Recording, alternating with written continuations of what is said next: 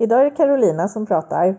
Jag tänkte att jag skulle ge några tips på något som vi gör mycket här på Lyckoklövern, nämligen barn som klickertränar med hästar.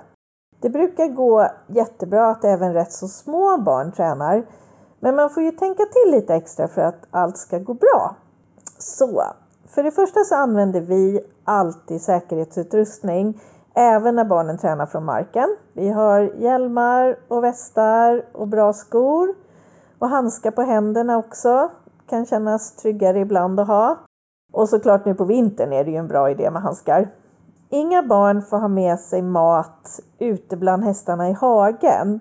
För då riskerar man ju att hästarna kan resursvakta maten och det kan bli bråk och barnen kan komma emellan. Eh, så barnen får gärna gå ut i hagen till hästarna men de får inte ha med sig någon mat dit ut. Eh, och vi pratar mycket om säkerhet också. Vi pratar om hur hästarna är snälla men såklart att de också är stora och tunga och att man måste tänka sig för hur snälla de än är.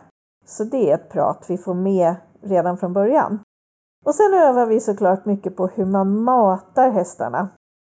Och barn som är yngre än ungefär åtta år eh, får inte mata i handen utan de matar alltid i bunke.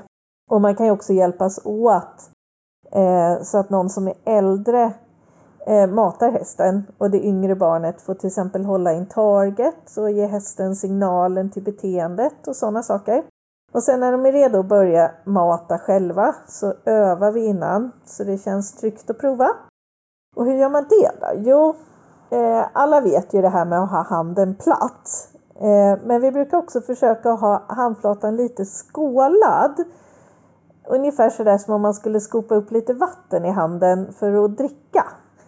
För då blir det lättare för hästen att komma åt maten. Och ju lättare det är för hästen, ju lugnare blir det. Så vi brukar försöka ta ungefär så mycket mat i handen som får plats i den där skålade handflatan. För då får hästen tag i maten på ett bra sätt. För ibland vill barn gärna ta en jättestor näve med mat, men risken är då att hästen föser liksom ut all maten på en gång när den sätter dit mulen. Och så får den ändå nästan ingenting. Och så blir hästen frustrerad och barnet förstår ingenting för de hade ju jättemycket mat i handen. Eh, så, så lite mindre mat som ryms i handen blir lättare för hästen att få tag i. Och så är det där viktiga med att inte dra undan handen. Det är väldigt lätt hänt om man är lite ovan och ängslig.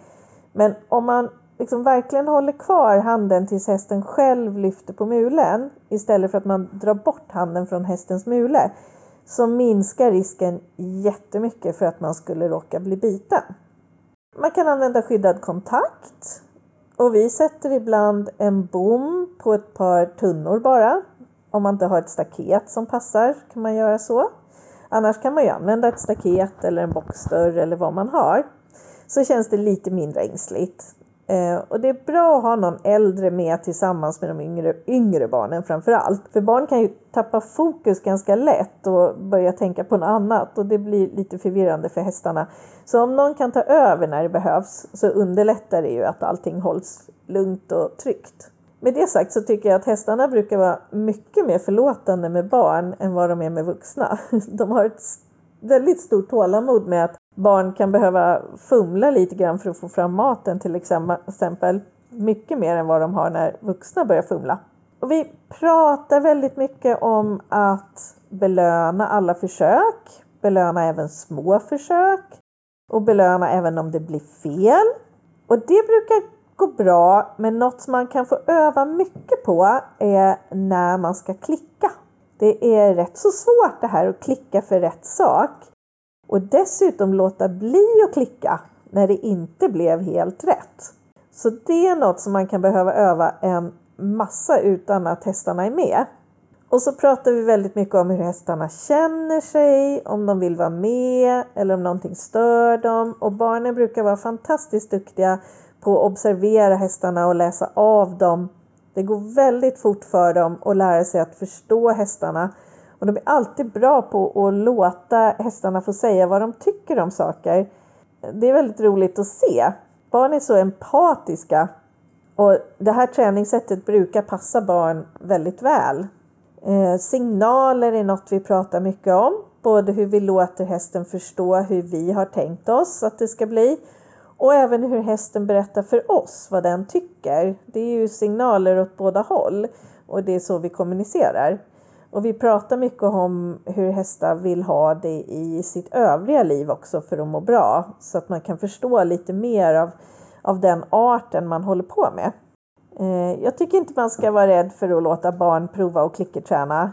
De klarar det jättebra. Men man får göra lite anpassningar med matning i bunke eller en vuxen som hjälper till eller med skyddad kontakt. När vi börjar med ridning så brukar vi låta barnen sitta på och vänja sig vid att vara på hästryggen medan en vuxen klickertränar hästen. För då har hästen något kul att göra och brukar verkligen inte bry sig speciellt mycket om att den har en passagerare på ryggen. Eh, den koncentrerar sig mest på den som går bredvid och klickertränar. Och barnet kan i lugn och ro få lära sig att följa med en häst i rörelserna, kan få göra lite balansövningar och så småningom börja ge lite signaler uppifrån hästryggen som den vuxna kan klicka hästen för. Så det är ett lite enklare sätt att lära sig på än att börja med utrustning direkt som tyglar till exempel.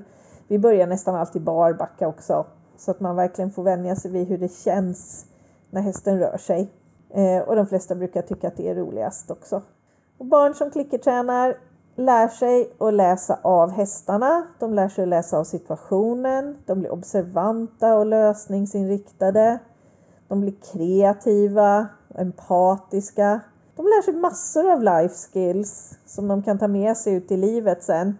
Så här på Lyckoklöven håller vi tummarna för att fler och fler barn ska få börja klickerträna i framtiden.